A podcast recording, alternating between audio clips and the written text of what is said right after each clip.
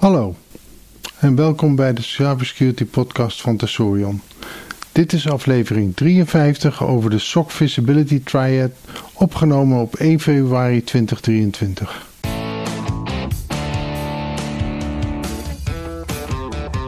In deze podcast hebben we het over de laatste trends en ontwikkelingen op het gebied van cybersecurity en hoe dit van invloed is op bedrijven en individuen.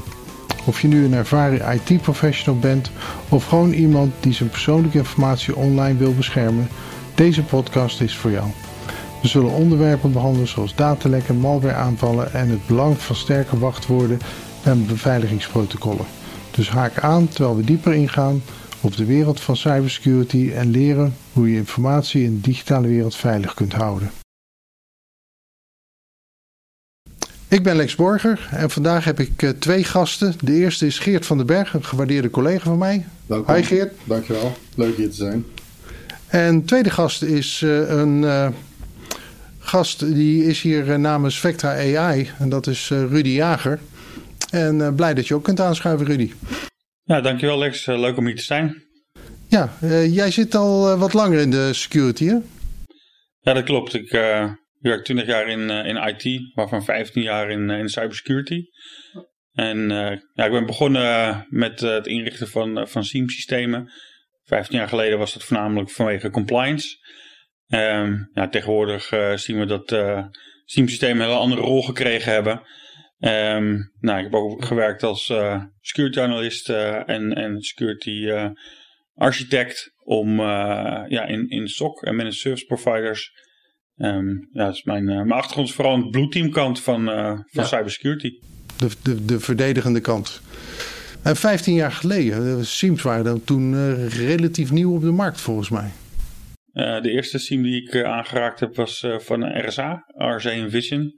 Ja, dat was wat ik zeg, vooral compliance gedreven. Dus ja, meer event management, centraal event management, dan ja, echte detectie zoals we tegenwoordig ja, in cybersecurity heel belangrijk vinden. Ja. Zat er dan ook een verschil in de SIEMs zoals ze toen waren en hoe ze nu zijn? Zit, zit, zit daar, is daar veel in veranderd? Of? Dus uh, een behoorlijke ontwikkeling heeft daar plaatsgevonden in de afgelopen 15 jaar uh, in die systemen. 15 jaar geleden was SIEM het, uh, de, de, heilige graal, beloofde wat alles bij elkaar zou brengen en, en je alle inzicht zou geven. Dat is niet helemaal geworden, geloof ik, hè? Nee, dat klopt. Ja, wat we tegenwoordig van een SIEM verwachten is dat het meer een threat management platform is. En dus dat je alle ja, threat detectie van verschillende platformen samenbrengt. Ja, als je bijvoorbeeld kijkt naar de SOC Visibility Triad van Gartner, dan zie je daar ook in terugkomen dat SIEM uh, een rol speelt samen met de SOAR om, uh, voor threat management, voor de orchestration. Maar de threat detectie komt eigenlijk vanuit de platformen op de endpoint en op het netwerk. Dus dan heb je het over EDR, Endpoint Detection Response. En over NDR, Network Detection Response. Dat zijn de drie punten dan, hè? EDR, NDR en SIEM SOAR. Ja, dat klopt. Ja, en EDR en NDR, zijn dat twee dingen die dan hand in hand gaan? Ja, absoluut. Hè? Als je ook kijkt wat de visies van NDR-platformen is om op netwerk gebaseerde uh, data aanvallers te kunnen vinden. En daarbij kan je dus ook gebruik maken van, uh, ja, van data van endpoints die niet gemanaged zijn. Dus waar je eigenlijk geen uh, endpoint detection response software kan installeren. Als je kijkt naar de doelstelling van een, van een EDR, is dat echt om ja, te kijken wat gebeurt er op dat systeem. Um, die kan kijken in, in de kernel, in de memory en dergelijke. Om die data die brengen samen, dus van het endpoint en van het netwerk. Uh, in bijvoorbeeld een een, uh, een SIEM-platform om uh, daar je threat management op, uh, op te doen. Ja. Wanneer moet ik nou EDR kiezen? Wanneer moet ik nou NDR kiezen? Wanneer moet ik nou voor SIEM kiezen? Ja, met mijn, met mijn achtergrond krijg je misschien een gekleurd antwoord. dat kan ik niet, niet voorkomen. Maar wat, wat ik als voordeel zie van, van, een, van een NDR is dat het een, ja, een niet-intrusive platform is. Hè. Dat draait eigenlijk parallel aan je productie. Dat betekent dat je, ja, je hoeft niet je netwerkverbindingen te onderbreken, je hoeft er niks tussen te stoppen. En ook geen agents te installeren. Dus het heeft geen impact op je network latency, het heeft geen impact op uh, je applicatie performance. Um, dus daarmee maak je ja, NDR eigenlijk als een, een ja, makkelijk geruisloos te implementeren platform. Ja, dus implementatie is makkelijk. En dan kun je inderdaad heel makkelijk al het netwerkverkeer bekijken. Maar dan moet je nog steeds weten waar je naar moet zoeken om de threads te vinden. NDR-platformen zijn er in verschillende smaken. Ik gebruik ook allemaal verschillende methodieken om aanvallers te kunnen vinden, om die threat-detectie te doen. Ik denk dat het belangrijkste is dat je een, een referentiekader hebt naar een bepaald framework. En wat nu redelijk geaccepteerd in de markt is, wat we ook veel ja, bedrijven zien gebruiken, is het Mitre Attack Framework. En dus daar worden de technieken ja, beschreven, de methodes die aanvallers gebruiken. Um, ja, om dat te detecteren kun je verschillende detectiemethodes gebruiken. Allereerst heb je natuurlijk een stukje threat intelligence. En dan werk je met, met bijvoorbeeld signatures. Dus dan ja, zoek je naar hetgene wat je kent. Ja, daarmee kan je eigenlijk bekende aanvallen opsporen. Bekende software die gebruikt wordt, of wellicht bekende command and control servers op het internet die gebruikt worden. Ja, dus, dus je ziet op het netwerk een, een ping of, een, of een, een signaal uitgaan naar het bekende IP-adres van een command and control center. En dan weet je gewoon van ja, dat moet dan wel foute boel zijn. Ja, absoluut. Hè. Dat is een geverifieerde target van een, van een aanvaller. Maar goed, aanvallers zijn veel slimmer dan dat tegenwoordig. Hè. Dus die zullen ook kijken van ja, hoe kan ik zorgen dat ik niet zo snel gedetecteerd word. Nou, naast signature detectie heb je een stukje anomaly detectie. En dus dat is op basis van kijken wat is normaal in de omgeving. En dan ga je daarvan de afwijkingen ga je detecteren. Daarmee vind je dus alle uitzonderingen.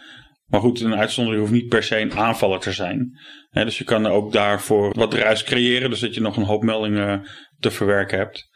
En de derde methode is gebaseerd op gedragsanalyse. Dus dan kijk je heel erg naar wat is het, het gedrag wat een aanvaller uitvoert. En dan kun je ook kijken naar de technieken en de methodes vanuit het Mitre Tech Framework. En ja, probeer dat gedrag in het netwerk te vinden. Om daarmee die aanvallers op te sporen. En ja, daarmee vanzelf ben je in staat om ook nieuwe aanvallen te vinden. Dus dat gaat verder dan de signatures. En omdat je kijkt naar specifiek gedrag van aanvallers, zul je ook minder ruis hebben wat je hebt met uh, detectie. Ja, met anomaly vind je alle dingen die vreemd zijn. Met, met gedragsanalyse vind je dingen die vreemd en verdacht zijn. Mag ik het zo karakteriseren? Ja, dat heb je goed samengevat, uh, Alex. Dankjewel. En als je dan kijkt naar, NDR kijkt naar de verkeersstromen. Een IDR kan in memory kijken. Dus dingen die encrypt zijn, ja, dat is in de CPU niet meer encrypted. Hoe gaan NDR's om met het steeds grotere wordende ja, SSL-landschap, om het zo maar te noemen? De, de decryptie van, van netwerkverkeer dat is, uh, ja, wordt steeds complexer door de, ja, ook de wijzigende technologie. We krijgen straks uh, ook een uh, TLS 1.3, waar, waar het nog moeilijker wordt om ja, zeg maar een soort manual middel te doen om, om de data te decrypten. Datadecryptie is ook niet altijd wenselijk, hè, vanuit privacy oogpunt of compliance oogpunt. Maar ook vanuit zero trust oogpunt is dat iets wat je eigenlijk niet zou willen, zeg maar.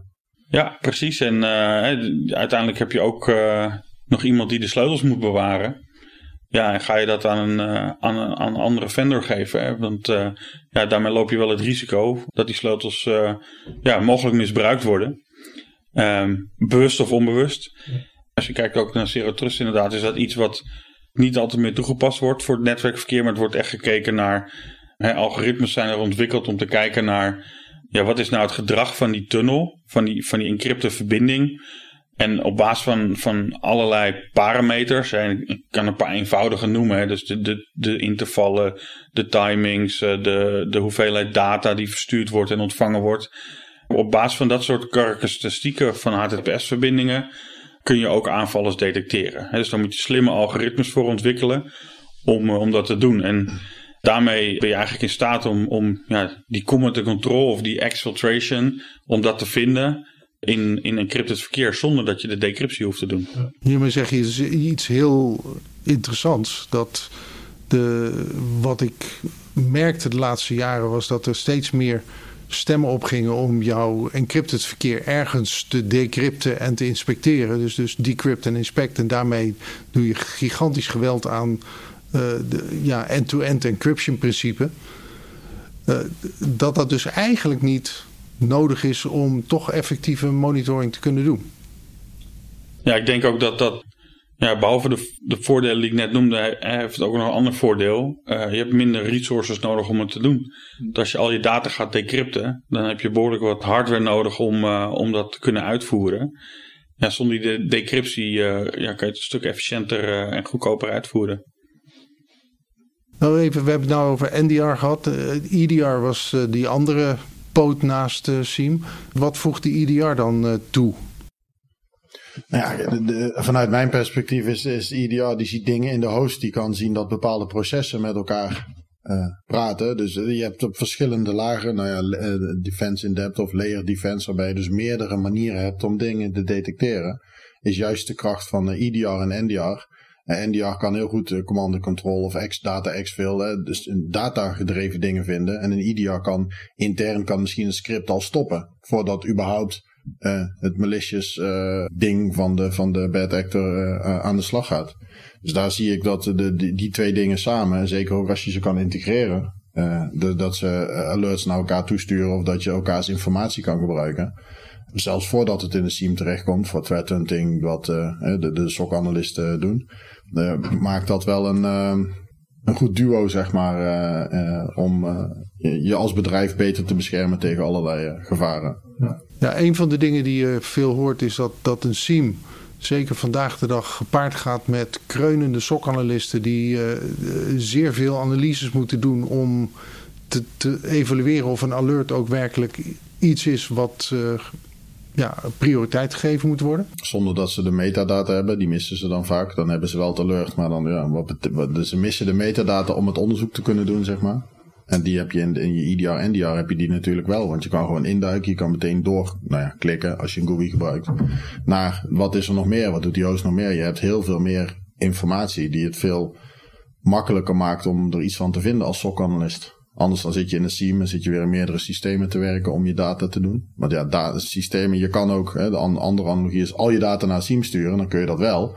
Maar ja, dat vinden de SIEM-leveranciers natuurlijk hartstikke leuk, want dan betaal je uh, voor uh, al die uh, events die je erin stopt.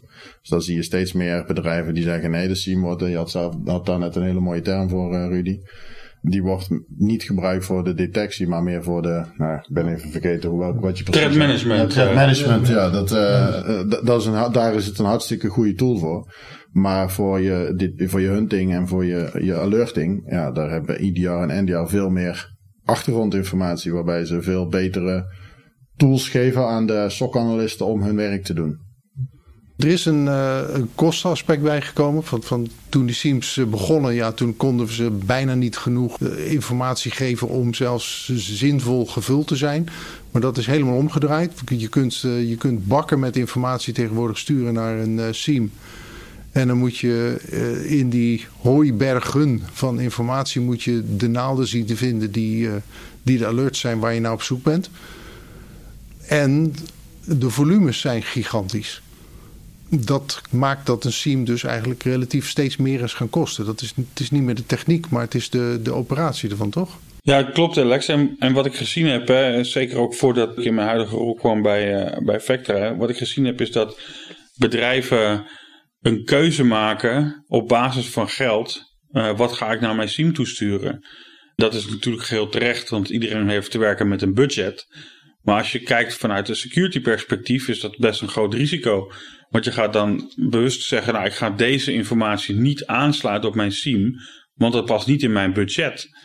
Ja, daardoor creëer je dus eigenlijk een blinde vlek op je netwerk of op je endpoints, omdat je die data niet hebt. En het voordeel van als je kijkt naar een, een EDR of naar een NDR, hè, eh, die endpoints zijn gecoverd, het netwerk wordt, wordt ingezien. En de data die naar de SIEM toe gaat, is eigenlijk alleen nog maar high fidelity alerts.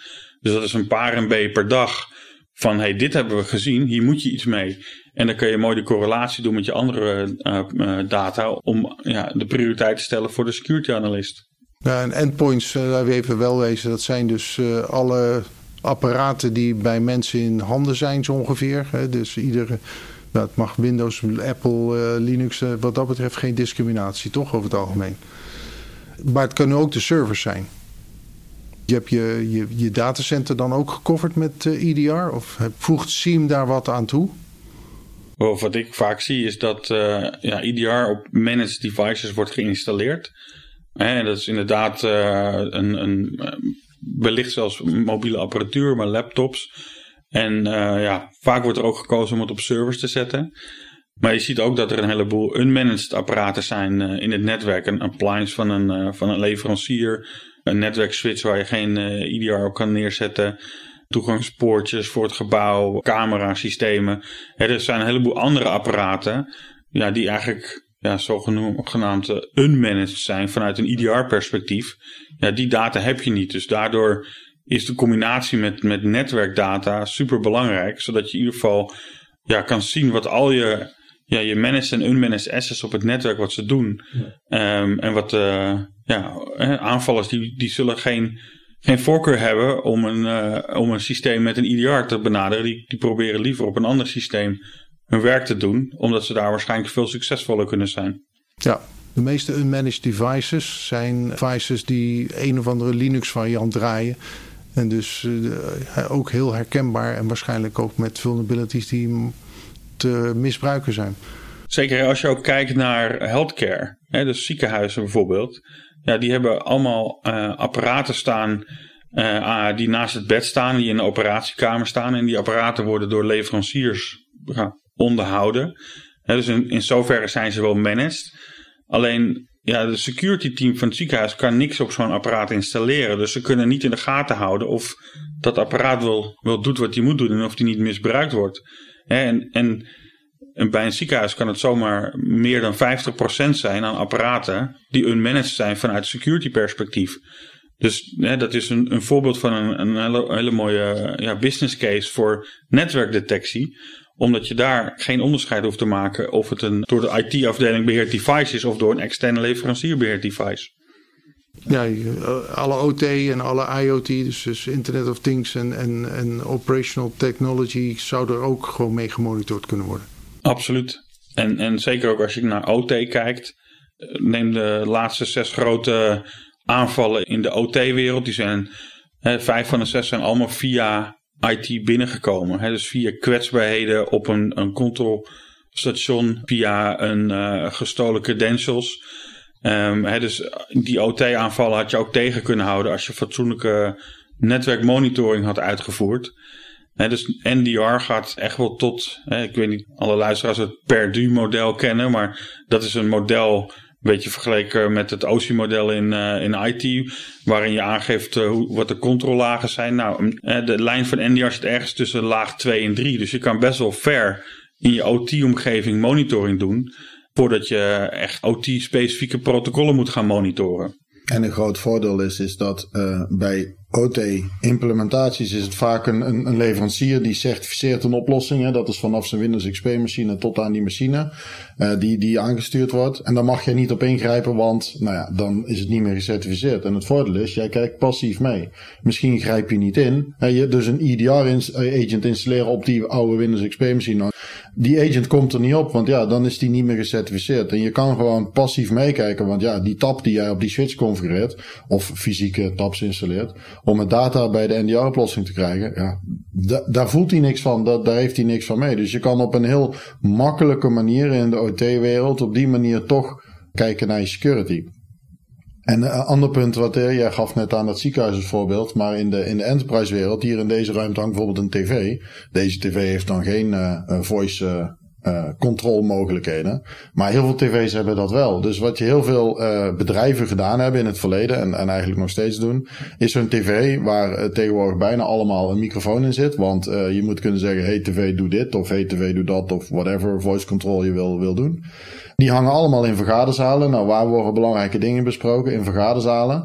Uh, IT heeft gezegd, uh, weet je, dat ding moet internet hebben. En waar moet hij naartoe? Ja, dat weet ik ook niet. Hij moet uh, zijn whatever uh, media content. En die komt van het hele internet af. Dus dat ding wordt vaak gewoon helemaal opengezet naar internet. Dan zeggen ze, ja, maar dat zit buiten het IT-netwerk. Dus dat is geen gevaar voor mijn IT-netwerk. Ja, dat klopt. Het is voor je IT-netwerk geen gevaar. Maar voor je bedrijf wel. Want als daar een microfoon in zit en die wordt gehackt, dan uh, kunnen ze gewoon meeluisteren. En ja, er gaat geen lampje branden op die tv als, uh, als die microfoon aanstaat. De conference room van de board, daar hangt de mooiste tv met de meeste capabilities. Ja, die moet gewoon werken. Dus die moet gewoon alles naar internet open hebben staan. Want als we op dat knopje dan moet hij dat doen. en met een IDR-oplossing, ja, een prettige wedstrijd om die op je tv geïnstalleerd te krijgen. Uh, of er nou wel of geen PC aan zit, want dat zie je vaak ook nog wel. Dus die zou je dan kunnen beschermen. Maar met een NDR kun je zien van, hé, hey, die tv die gaat in één keer, nou ja, met die algoritmes die je net noemde, gaat die in één keer dingen doen. Nou, dat en dat is wel belangrijk om te detecteren. Want ja, je kan misschien het bedrijf niet manipuleren. Maar in deze financiële wereld, als je voorkennis hebt over bepaalde dingen, kun je veel geld verdienen met, uh, met aandelen. Dat soort aanvallen, zie je ziet aanvallen steeds creatiever worden. Dus je hoort wel eens dat dat gebeurt. Maar ja, als je dat netwerk niet zou monitoren, kom je er ook nooit achter. En je kan dat niet op de huidige technieken doen. Want stel je zou SSL-decryptie willen toepassen op je firewall om dat toch te doen. Ja, die firewall gaat jouw certificaat niet accepteren. Dus dat gaat technisch gewoon niet. Dus je hebt geen, nou ja, mogelijkheden in de oude techniek die dat kunnen doen. En NDR heeft dat, uh, heeft dat wel. Zo haal je inderdaad van, van zelfs de geavanceerde nation state attacker die kan dingen gaan doen. Dat is, die, dat is een heel andere opsporingstechniek voor nodig dan dat je zegt: ik ga de, de, de script kiddie of, uh, of de eenvoudige hacker uh, willen opsporen. Ja, ik ben van mening dat een, een NDR, als we dat voorbeeld van die tv hebben, op basis van gedrag of de artificial intelligence varianten daarvan kan die dat denk ik heel snel detecteren. Omdat die tv gaat in één keer heel ander gedrag uh, vertonen als dat die normaal zijn HTTPS content downloadt omdat hij een een of andere Netflix, YouTube, whatever filmpje. Eh, dat ga je in gedrag ga je dat heel snel kunnen detecteren. Eh, daar hoef je geen signatures voor te maken, bij wijze van spreken. We hebben het heel veel gehad over de triade van Gardner. We hebben één woord nog niet genoemd, dat is cloud. En tegenwoordig is het grootste deel van onze verwerking... doen we in de cloud of willen we in de cloud doen? De cloud is natuurlijk iemand anders zijn netwerk. Kunnen we daar detecteren? Is uh, iemand anders zijn endpoints? Dus hoe lossen we dat dan op? Cloud is een uh, heel groot begrip. Hè? En uh, als je kijkt naar de terminologie, heb je het over IaaS, PaaS en SaaS. Hè? Dat zijn denk ik ja, de, de hoog over drie varianten van de cloud. als je het hebt over infrastructuur in cloud, dus de IaaS, dan is het inderdaad gewoon uh, somebody else computer. Uh, dus dan, wat je vaak ziet is dat bedrijven een lift en shift naar cloud doen. Uh, en, en dan komen ze in een IaaS-omgeving terecht. En dat is eigenlijk gewoon een netwerk van het bedrijf zelf in de cloud. Dus daar kan je met een NDR-platform zeker goede monitoring doen. En dat is ook vergelijkbaar met hoe je dat in een datacenter doet. Nou, dan heb je te maken met virtuele tabs. Hè, en er zijn ja, een aantal grote, grote leveranciers van cloud zoals Microsoft, uh, eh, AWS uh, eh, en Google. En die hebben allerlei uh, ja, technieken ontwikkeld om, om dat verkeer af te tappen. Dus daar is de use case vergelijkbaar met het datacenter. als je kijkt naar, naar PaaS, dus meer platform as a service. Dan heb je te maken met een platform wat eigenlijk door de cloudleverancier wordt geleverd. En jij gaat jouw eigen applicaties daarop draaien. Ja. Als je dat gebruikt, dan heb je een, ja, een control plane. Dus een soort managementlaag waar je op kan inloggen. En AWS heet het volgens mij eh, de AWS console. En eh, daar log je op in als beheerder en dan kan je een server aanvragen en dan kan je daar je activiteiten mee gaan doen. dus als je het hebt over uh, PaaS, Platform as a Service, dan maak je eigenlijk gebruik van het operatingsysteem wat beheerd wordt door de cloud provider. Je logt in op een management console en dan kan je ja, je systemen aanvragen en kan je eigen applicaties op, op laten draaien. Het risico daarin zit hem vooral dat die, uh, die beheerders die op die console inloggen, bijvoorbeeld bij AWS, is de AWS console, nou, die kunnen activiteiten uitvoeren, maar die inlogpagina is voor iedereen beschikbaar. En dus je ziet dat daar uh, groot risico is op uh, account takeover, account misuse. Dus je zal daar uh, in paasomgevingen vooral naar de, de control plane, het managementplatform van de cloud moeten gaan kijken. En er zijn ook NDR-vendoren die ook hebben gezien dat dat ook een risico is. En daar ook een, eh, een focus op hebben gelegd om ook die omgevingen te gaan monitoren. Dan hebben we nog SaaS. En wat je vaak ziet in SaaS, ik denk dat, nou, ik durf geen inschatting te geven over getallen, maar 50% of meer van de bedrijven gebruikt een e-mailservice van Microsoft, Office 365, met Teams, SharePoint en dergelijke. Dat is typisch een SaaS-dienst. Ook daar heb je te maken met toegang van overal. Dus iedereen kan bij de inlogpagina komen. Als ik jouw credentials heb, Lex, dan kan ik inloggen. Uh, tenzij jij natuurlijk een, eh, een keurige multifactor authenticatie hebt ingericht. Dan wordt het voor mij al iets lastiger als aanvaller. Maar ook daarvoor ja, zijn technieken uh, die aanvallers gebruiken. Eentje die ik recent hoorde was MFA Fatigue. Dus ik ga zoveel mogelijk inlogverzoeken sturen naar Lex. Zodat hij op een gegeven moment denkt van... hé, hey, ik ben mijn podcast aan het opnemen. Ik ga deze accepteren. Uh, nou, dan ben ik binnen als aanvaller. Ja, dan ga ik zorgen dat ik een uh, persistence krijg in de omgeving. Dus ook daar is het belangrijk om te kijken wat doen die accounts in Office 365. Hè, wat gebeurt er op de Azure AD wanneer mensen, mensen inloggen om dat te beschermen. En, en je ziet ook dat er hè, NDR-vendor hun platform hebben uitgebreid om, om ook daar die threat detectie te kunnen doen. Ja, nou is, is Microsoft een partij die uh, je heel veel gelegenheid geeft om onder de motorkap dingen toe te voegen, zolang het maar past in hun uh, straatje. Maar je hebt ook een hele hoop SaaS-vendoren. Pak even, even verschillende boekhoudpakketten. Ze zijn de eerste die bij mij naar boven komen. AVAS, hier uh, vlak bij ons. Ja, die leveren ook SaaS-diensten. Maar die leveren al dit soort toegevoegde mogelijkheden niet. Dus dan is in feite hun SaaS-dienst... ja, dat, is, dat is letterlijk der computer. En daar kun jij geen netwerkscanning op doen. Daar kun je geen endpoint op uh, installeren. Wat doe je dan? In het verleden, toen ik nog veel met SIEM-systemen werkte, heb ik wel eens geprobeerd om logdata van die SaaS-vendoren te krijgen. Maar dat kan haast niet, want ja, zij bieden een service aan. En het is verder op de achtergrond natuurlijk een, een shared platform. Ja. dus ik kan niet zomaar mijn logdata krijgen, want dan krijg ik waarschijnlijk de logdata van mijn buurman ook. Dus dat is heel lastig. Ik denk dat, dat de verantwoordelijkheid binnen de applicatie toch wel bij de SaaS-vendor zelf ligt. Alleen als bedrijf uh, kun jij gebruik maken van bijvoorbeeld een Azure AD, een identity provider, om de toegang tot die applicatie te beveiligen. Dus in dat geval is het monitoren van zo bijvoorbeeld zo'n Azure AD, uh, is in, in, in jouw geval dan ja, het enige wat je kunt doen om ervoor te zorgen dat, dat jij in ieder geval niet mensen toelaat tot jouw tenant. Um, dus dat, dat jaar heb je ook, uh, vergelijkbaar met wat ik zei over Microsoft, daar heb je ook de account takeover, account misuse, suspicious sign-on, ja. MFA abandoned, nou noem het maar op. Al dat soort ja, bedreigingen die je wilt gaan controleren. Mijn advies is voor SaaS, gebruik vooral een identity provider waar jij wel controle over hebt, zodat je in ieder geval de toegang tot jouw tenant kan monitoren. Ja, en dan krijg je natuurlijk ook dat je afspraken kunt maken met de SaaS-leverancier over hoe die zelf zijn eigen monitoring doet. En dat is dan een kwestie van weer je service levels afspreken en uh, je regie daarop uitvoeren. Nou, wat, je dan, wat ik wel zie gebeuren, maar goed, dat is ook een beetje glazen bolwerk. Je ziet steeds meer SaaS-providers, zoals Salesforce, die ook wel toegang geven tot de logging van die verschillende, van die tenant zelf. Het mooie van een NDR is dat die kijken naar gedrag, naar anomalies. Die hoeven niet de data te, te zien, hè, waar een EDR echt de data allemaal moet zien. Nou, een EDR kan dus heel moeilijk samenwerken met, een, met data daarvan. Maar de, de technologieën die in een NDR zitten, kun je in theorie ook makkelijk gebruiken om naar gedrag te kijken van als we bijvoorbeeld het Office platform pakken, uh, Microsoft 365 platform waar SharePoint in zit, van wel, wie welke documenten raadpleegt en dat iemand in één keer heel veel documenten gaat downloaden. Ja, dat zijn triggers die in een algoritme van een NDR, die toch al naar anomalies kijkt, relatief makkelijk te detecteren zijn. Je bent alleen afhankelijk van die SaaS-providers die de logging moeten aanleveren.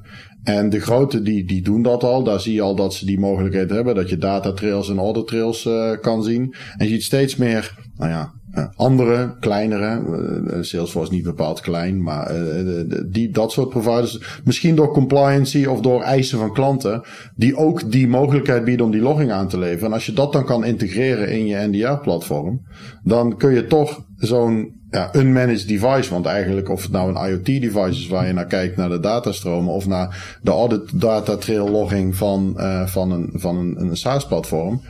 In essence is dat voor mij hetzelfde. Het is iets waar je geen controle over hebt en waar je kijkt naar gedrag van patronen waar mogelijk kwaadaardige dingen in zitten. En daar zie ik naar de toekomst toe verwacht ik wel dat NDR-leveranciers ook die wereld gaan betreden. Maar de techniek die je met NDR hebt, denk ik dat die echt heel veelzijdig inzetbaar is, ook op dat soort vlakken. En als er steeds meer SaaS-providers die logging mogelijkheid hebben, dan verwacht ik, maar goed, dat is glazen bolwerk, dat je steeds meer integraties ziet met bijvoorbeeld een NDR-platform. Omdat die de basis al hebben. Ze hoeven alleen nog maar de data binnen te slurpen, uh, hun ding erop te doen en daar meldingen op te geven. We hebben net al gezegd, die hele bakken met logs, die willen we eigenlijk niet meer doorgeven. Maar we willen meer naar de alerts die doorgegeven worden voor de SaaS-provider moet het dan ook natuurlijk iets worden wat uh, alleen maar voor die tenant is die dat vraagt. Dus ja. ja, ze moeten er aardig wat op cureren. Dat, dat klopt, maar als, het een, uh, als Microsoft het kan uh, binnen SharePoint en Teams om dat soort dingen, wie doet welke gesprekken, wie downloadt welke documenten, wie bewerkt ze, om dat in een audit trail te kunnen krijgen. Ik denk dat het technisch wel haalbaar is om, om dat te doen. Je ziet steeds meer diensten naar een SaaS-achtige oplossing gaan, ook steeds meer bedrijven die dat op die manier willen consumeren. Maar ik denk dat het met de, de, de technologieën die er zijn in NDR en dan met ML, AI, whatever, gedragsanalyse, wordt ook steeds makkelijker. CPU's die veel meer kracht hebben, maar ook bepaalde instructiesets hebben om het makkelijker te kunnen doen. Uh, waardoor een, een NDR, denk ik, een veel grotere rol gaat spelen in de hele security wereld. De basis die zij hebben is de grondlegging voor ja, de bepaalde security techniek door passief te kijken naar de, de, de events die uit zo'n systeem komen en de, de logging. Ja, het zal veel events zijn, maar dat zo'n systeem kan er wel iets van maken, want hij kijkt puur naar die applicatie audit trail. En een SIEM is veel breder, dus daar kun je alle data in stoppen en daar moet hij iets van vinden. Je moet dus echt een integratie hebben per partij. Dat is meer werk, maar geeft het wel zekerdere alerts op uiteindelijk. Ja.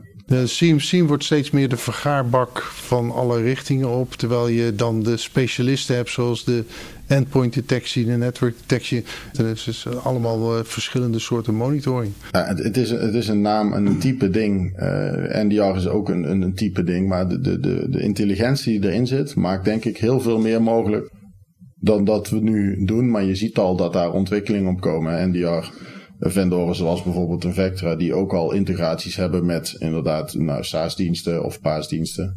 Om op basis van die manier uh, iets van de security alerts te kunnen genereren. Nou, dat zal denk ik in mijn ogen steeds verder uitgebreid gaan worden. Wat ik, wat ik denk is zeg maar, dat, dat belangrijk is dat je kijkt naar detectie op het moment dat de preventieve tools zeg maar niet gewerkt hebben.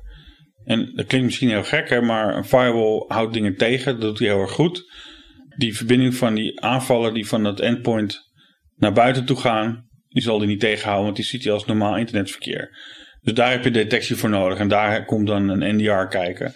Stel dat die preventieve maatregelen gefaald hebben, uh, waar moet ik dan naar kijken om toch nog te kunnen ingrijpen voordat die aanvaller al die data gaat exfiltreren, malicious software gaat installeren. En dus ik denk dat een goed verschil moet worden gemaakt in wat zie ik als preventieve maatregelen. Ik ga ervan uit, en ik denk dat, dat veel mensen dat met me eens zullen zijn, dat dat niet voldoende is. Ik lees dat dagelijks in de krant. Welke detectie heb ik nodig? En als je dan een goede basis wilt leggen, begin met je netwerk en met je endpoints. En ga dan kijken, wat zijn eventueel mijn gaps en wat is mijn risk appetite om daar ook nog een monitoring voor te gaan inregelen. En dat heeft ongetwijfeld te maken met het soort bedrijf en het budget wat je hebt om die maatregelen te nemen.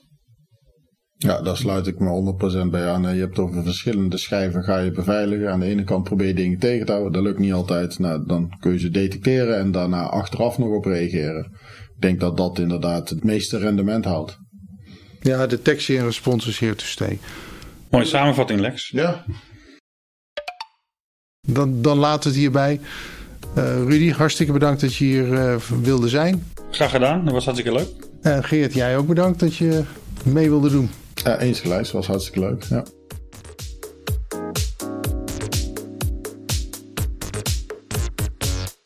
Dankjewel voor het luisteren naar deze Cybersecurity podcast. We hopen dat je wat hebt geleerd over hoe je je informatie online veilig kunt houden en hoe je kunt voorkomen dat je het slachtoffer wordt van een cyberaanval. We brengen je regelmatig interessante onderwerpen op het gebied van cybersecurity. Vergeet niet om je te abonneren op deze podcast en om onze website te bezoeken voor meer informatie www.sorian.nl. Als je van het programma hebt genoten, vragen we je vriendelijk om onze beoordeling en een review te geven in je favoriete podcast app. Dit helpt ons om onze podcast te verbeteren en te blijven voldoen aan de behoeften van onze luisteraars. Bedankt voor je tijd en tot de volgende keer.